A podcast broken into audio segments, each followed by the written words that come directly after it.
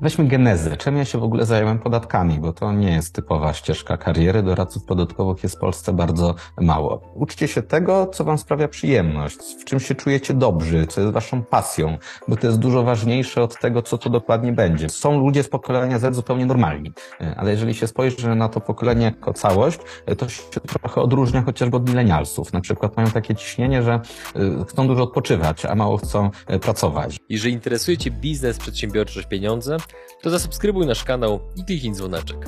Partnerami przygód przedsiębiorców są Święto Kapitalizmu, konferencja dla ludzi z hajsem i brakiem kija w dupie, IBCS Tax, spółki zagraniczne, ochrona majątku, podatki międzynarodowe, Fullbacks, kompleksowa obsługa importu z Chin oraz pomoc na każdym jego etapie, Fit Group, nowoczesne kamienice gwarancją przyszłości. YouTube dla biznesu. Wejdź na przygody.tv i zobacz, jak wiele mogłaby zyskać Twoja firma dzięki YouTube z naszą pomocą. Linki do partnerów znajdziecie w opisie filmu. Dzień dobry drodzy widzowie, Adrian Gorzycki i Przygody Przedsiębiorców. Ponownie pozdrowienia z Zakopanego. To jest odcinek specjalny, odcinek dodatkowy, gdzie z doktorem Sławomirem Mencenem porozmawiamy o takim temacie, który bardzo często podejrzewam, zarówno piszą do Sławka, piszą również niektórzy, zwłaszcza młodzi ludzie do mnie a propos zarobków, pracy, tego typu rzeczy. E, Sławku, wyobraź sobie, że na chwilę zakładasz kapelusz doradcy zawodowego. Przychodzi do ciebie człowiek, który zadaje ci pytanie, panie Sławku, jak powinienem patrzeć na swoją karierę w perspektywie na przykład kilku lat, aby w pewnym momencie dojść do poziomu zarobków 10, 20, 30 tysięcy złotych. Pytanie, ile te 10 tysięcy złotych będzie warte za 5 lat, bo to może być płaca minimalna, więc e, tu weźmy wartości. E, nie jest to zupełnie oczywiste, co to będzie znaczyć. I teraz e, ja tutaj młodym ludziom mówię zawsze następującą rzecz, zresztą której sam nie wymyśliłem, tylko wziąłem ją od Taleba z Czarnego Łabędzia. W skrócie są dwa rodzaje zawodów, skalowalne i nieskalowalne. Nieskalowalne to jest na przykład lekarz albo inżynier, programista, kierowca samochodu, nauczyciel. Jesteśmy w stanie sobie mniej więcej wyobrazić, ile taka osoba zarabia. Lepsza zarabia trochę więcej, słabsza trochę mniej, tak? Jeżeli ktoś ma możliwość zostania lekarzem, no to będzie zarabiał te kilkadziesiąt tysięcy złotych miesięcznie. Więc jak ktoś ma takie umiejętności, idziesz na Akademię Medyczną, jak się tam dostaniesz, to będziesz dobrze zarabiał za 10 lat. To jest w zasadzie pewne. Nie ma mało zarabiających lekarzy, tak? Y, trochę inaczej na przykład jest z kierowcami autobusu. Oni też są w stanie sobie wyobrazić, ile będą zarabiać y, i tam też wielkich odchyłów nie ma. Więc pierwsza metoda to wybrać sobie taki zawód, gdzie po prostu się dużo zarabia. Nie wiadomo, że nigdy nie będzie tam jakiegoś ekstremum, e, ale nie będzie też źle. Druga metoda, dużo bardziej ryzykowna, to wybrać sobie zawód skalowalny, to znaczy taki, gdzie niewielka grupa e, próbujących wykonywać ten zawód zarabia fortunę, e, a większość nic nie zarabia. To jest na przykład piłkarz, albo aktor, albo sportowiec, albo przedsiębiorca w jakiejś nowej branży, tak? Albo youtuber, dajmy na to. Większość piłkarzy absolutnie nic nie zarabia, albo nawet dokłada do tego biznes biznesu w jakiejś tam czwartej, piątej czy też trzeciej lidze. A do tego mamy takiego Lewandowskiego, który zarabia tyle, ile tam kilka lig razem wziętych tych piłkarzy, jakich wszystkich wynagrodzenia dodamy. No i to często się okazuje, że jeżeli chcemy zarabiać te 10, 20, 30, to jest bardzo słaba metoda wybrać sobie taki zawód, bo najprawdopodobniej nie będziemy tyle zarabiać, bo pewnie nie będziemy najlepsi na świecie, niezależnie co sobie tam wymyślimy. Więc to jest bardzo strategiczna decyzja. Jakie mamy podejście do ryzyka? Jak bardzo jak oceniamy swoje możliwości. No bo jak nie jesteśmy wybitni, a weźmiemy sobie zawód skalowalny, to raczej nic z tego nie wyjdzie. Więc wbrew pozorom, odpowiedzią na to, jak zarabiać 10, 20, 30 tysięcy, to jest wybrać sobie zawód nieskalowalny. Nie wiem, programista, inżynier, lekarz, adwokat być może i być w tym po prostu dobrym. Wtedy tragedii nie będzie, milionerami też nie zostaniemy, ale te 10-20 na konto co miesiąc wpadnie. Teraz jeszcze z innej perspektywy patrząc, no bo zakładam, że skromność spowoduje, że tego nie skomentujesz, ale ja i tak te słowa wypowiem. Można przyjąć chociażby na podstawie wielu opinii, nawet naszych wspólnych znajomych, którzy mieli okazję korzystać z Twoich usług, że jesteś skutecznym doradcą podatkowym. Oczywiście wykonujesz znacznie więcej ról społeczno-zawodowych, ale teraz skupmy się na doradcy podatkowym. Więc ta skuteczność musiała się z czegoś wziąć. Jak ty wspominasz minione lata jako proces dochodzenia do miejsca, w którym jesteś obecnie w kontekście Twojej wiedzy, w kontekście Twojej skuteczności, która z kolei między innymi przekłada się na Twoje obecne zarobki. Okej, okay. czyli mówimy o mojej pracy jako doradcy podatkowego, nie jako przedsiębiorcy, tak? Mówiąc bardzo, bardzo kolokwialnie i być może niestosownie, biorąc pod uwagę e, klimat rozmowy, co zrobiłeś, że jesteś zajebisty w tym, co robisz? To, to ty to powiedziałeś. Tak. Natomiast e, jak ja w ogóle, weźmy genezę, czym ja się w ogóle zająłem podatkami, bo to nie jest typowa ścieżka kariery, doradców podatkowych jest w Polsce bardzo mało. E, zupełnie szczerze, zdałem egzamin z mechaniki kwantowej Zrobiłem licencjat z fizyki teoretycznej i sobie pomyślałem, że jak zrozumiałem fizykę kwantową, to zrozumiem też podatki. To Einstein kiedyś powiedział, że podatek dochodowy jest chyba jedną z tych idei, których się nie da zrozumieć, że to jest tak trudne. No i spróbowałem, no i się chyba udało. To znaczy podchodzę do podatków jak do łamigłówek. Mamy jakąś historię i trzeba znaleźć taką metodę obejścia, czyli ja rozwiązuję łamigłówki, podchodzę do tego nie jak, nie czuję się prawnikiem, zresztą nie skończyłem prawa, nie patrzę na przepisy, tylko konstruuję sobie w głowie takie jakby pole bitwy, taką łamigłówkę i próbuję tutaj rozwiązać jakoś te struktury ze sobą połączyć, żeby rozwiązać takie zadanie e, matematyczne. I mam to w głowie i wtedy jak ktoś ma problem, to staram się go tak rozwiązać i często się udaje. E, I to jest moja metoda. E, być może są lepsze metody, tego nie wiem, ale to jest ta, którą stosuję. Po prostu się bawię tym jak łamigłówkami. Mhm. Natomiast ile godzin dziennie poświęcałeś na to, żeby szlifować właśnie wiedzę, szlifować fach doradcy podatkowego? Bardzo dużo. Na początku strasznie dużo. E, ile to jest strasznie dużo? No kilkanaście godzin dziennie, zdajmy na to, tak? Przez dłuższy wow. czas. E, oprócz nauki do egzaminu, która trzeba było go zdać, żeby być doradcą podatkowym, ja naprawdę się tym interesowałem bez przerwy. Czytałem sobie wyroki sądów administracyjnych, czytałem sobie wnioski, znaczy odpowiedzi na interpretację e, podatkową, czytałem prasę specjalistyczną, czytałem jakieś tam żółte czy zielone, już nie pamiętam, strony Rzeczpospolitej, gazety prawnej. Wszystko, co wychodziło o podatkach, to ja o tym czytałem. E, książki czytałem o podatkach. E, problem miałem taki, że nie miałem żadnych znajomych z tej branży. Do wszystkiego musiałem dojść od zera praktycznie. Ale no to było lata ciężkiej, wielogodzinnej godzinnej, codziennej pracy. Co pozwalało Ci utrzymywać skupienie i taką pewnego rodzaju wytrwałość, zaangażowanie przez kilkanaście godzin dziennie?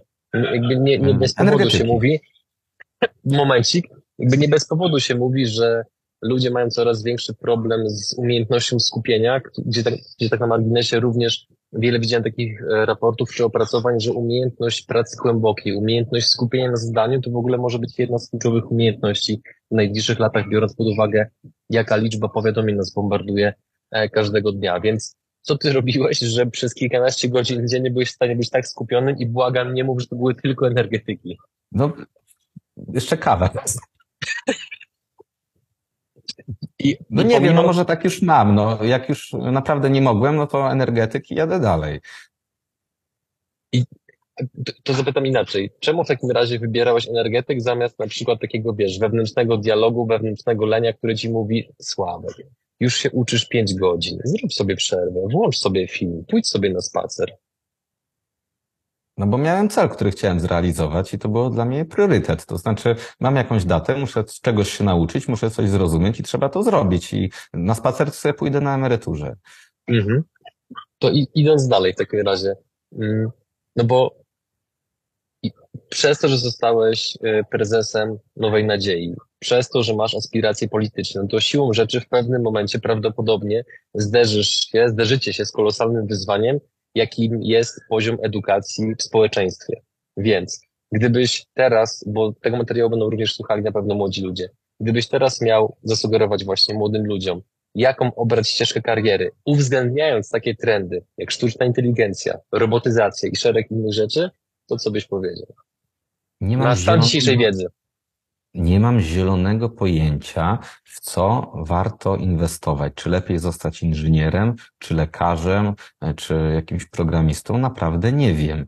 E, nie potrafię odpowiedzieć na to e, pytanie. Podejrzewam, podejrzewam, że umiejętności miękkie mogą być dużo istotniejsze niż to się komukolwiek wydaje. Ale to jest tylko i wyłącznie moje podejrzenie, że wcale nie trzeba się uczyć tych twardych rzeczy, tak? Że, wbrew pozorom co innego może być tutaj warto, warto wartościowe. Można spojrzeć na to, że to pokolenie, to co teraz wchodzi na rynek pracy, to to Z, tak, zdaje się, one jest trochę specyficzne. Trzeba się od niego odróżniać. Jeżeli jest się młodym człowiekiem, nie bądź typowym człowiekiem jak ta cała reszta. O, może inaczej do tego podejdę, do tego pytania. Nie myślcie czym, czego się macie nauczyć, bo to każdy ma inne zainteresowania. Uczcie się tego, co wam sprawia przyjemność, w czym się czujecie dobrzy, co jest waszą pasją, bo to jest dużo ważniejsze od tego, co to dokładnie będzie, bo jeżeli czyjąś pasją jest, nie wiem, fryzjerstwo, można zabudować sobie, nie wiem, sieć stu salonów fryzjerskich, jeżeli to jest czyjąś pasją i tak będzie dobrze. Więc to niech będzie coś, co was naprawdę zainteresuje, czemu się naprawdę e, poświęcicie i dużo czasu na to poświęćcie, bądźcie w tym najlepsi, niezależnie co to będzie, to będzie będzie dobrze. Mhm. Czy masz taką obawę, że sztuczna inteligencja zabierze pracę doradcom podatkowym? Mam nadzieję. Natomiast, natomiast nie spodziewam się, żeby w przewidywalnej przyszłości to się e, wydarzyło. Powiedziałeś, że pokolenie Z jest specyficzne, co też wydaje mi się, że jest poniekąd prawdą prawdopodobnie dla każdego pokolenia, które wchodzi na rynek pracy, ale skupmy się na Zetach. Dlaczego Twoim zdaniem są specyficzni? To jest takie wrażenie oczywiście oparte o, o no, może oprzeciętne, tak? Są ludzie z pokolenia Z zupełnie normalni, ale jeżeli się spojrzy na to pokolenie jako całość, to się trochę odróżnia chociażby od milenialsów. Na przykład mają takie ciśnienie, że y, chcą dużo odpoczywać, a mało chcą y, pracować, że jakaś praca zdalna jest dla nich ważna, albo te, y, te wakacje, że jadą sobie na plażę i tam chcą pracować na komputerze z wakacji, na przykład dla nich to jest istotne, albo nie chcą przyjść na rozmowę kwalifikacyjną, bo chcą, żeby była zdalna, albo że im praca, żeby im nie zakłócała tak zwanego work-life balance, że to jest dla nich bardzo istotne, a praca jest tak naprawdę mniej istotna. I to widać po rozmowach kwalifikacyjnych, że ci ludzie mają zupełnie inne podejście do pracy. Samo to słowo work-life balance według mnie jest bardzo mylące, bo to pokazuje tak podświadomie, że tu mamy życie, a tu mamy pracę. To znaczy, że praca nie jest elementem życia i musimy to sobie jakoś wypoziomować. Dla mnie ta praca to jest, to jest istotny element mojego życia, tak? W związku z czym staram się, żeby ta praca mnie możliwie bardzo bawiła, żeby była rozwijająca, żeby spełniała moje cele, moje zamierzenia. To jest dla mnie istotne, ale jeżeli ktoś myśli, że musi to sobie jedno i drugie wypoziomować, to znaczy to całkowicie oddziela. I to jest błędne myślenie, bo jeżeli ktoś chce sobie ze swojego życia wydzielić pracę, bo muszę przyjść do pracy, żeby opłacić swoje rachunki, to on codziennie to 8 godzin ma zmarnowane, bo on tam siedzi tylko i wyłącznie po to, żeby opłacić swoje rachunki. Nie bawi się tym, nie rozwija go to, nie realizuje tego pasji, pasję ma po pracy. I to nie jest najlepsze podejście. Wydaje mi się, że dla ludzi z poprzednich pokoleń ta praca dużo częściej była właśnie e, pasją i dużo e, łatwiej im było wtedy w ogóle wejść w ten rynek pracy i coś osiągnąć. I stąd jeszcze jest jeden wniosek, który miałbym do młodszych ludzi. Nawet jeżeli jesteście z tego pokolenia Z, to tam też jest sporo ludzi o takim trochę innym mindsetie, że jednak chcą pracować. Jeżeli wy to macie w głowie, to osiągniecie dużo większy sukces niż wasi koledzy, którzy myślą, że wystarczy przyjść do pracy na 8 godzin, nagle wszystko z nieba e, spadnie. Zwłaszcza wielka wielka przewaga konkurencyjna, jeżeli Wam się będzie chciało pracować. W porównaniu do Waszych kolegów czy koleżanek osiągniecie dużo, dużo więcej, bo pracodawcy Was bardzo docenią. Ostatnie pytanie. Gdybyś miał spojrzeć na pracowników w Twojej firmie, którym najwięcej płacisz, to pomijając, jakie oni wykonują obowiązki, zadania, bo oczywiście ma to na pewno bardzo istotny wpływ na ich wynagrodzenie, to jakie cechy charakteru, sposoby postępowania, co ich łączy? Co mają ze sobą wspólnego, że z Twojej perspektywy zajmują tak wysoką hierarchię na liście płac? No, pasja do pracy, zaangażowanie, odpowiedzialność, e, te, te, te rzeczy. To znaczy, jak ktoś żyje pracą, się temu całkowicie poświęca, mogę na niego liczyć w dowolnej porze dnia e, i nocy. Widać, że go to kręci, że chce się rozwijać, chce, żeby, chce rosnąć i chce, żeby firma rosła razem z nim. To jest świetny kandydat na najwyższe miejsca w całej e, firmie, tak? Jeżeli ktoś przychodzi 8 godzin do domu, to on absolutnie żadnej kariery u mnie nie zrobi.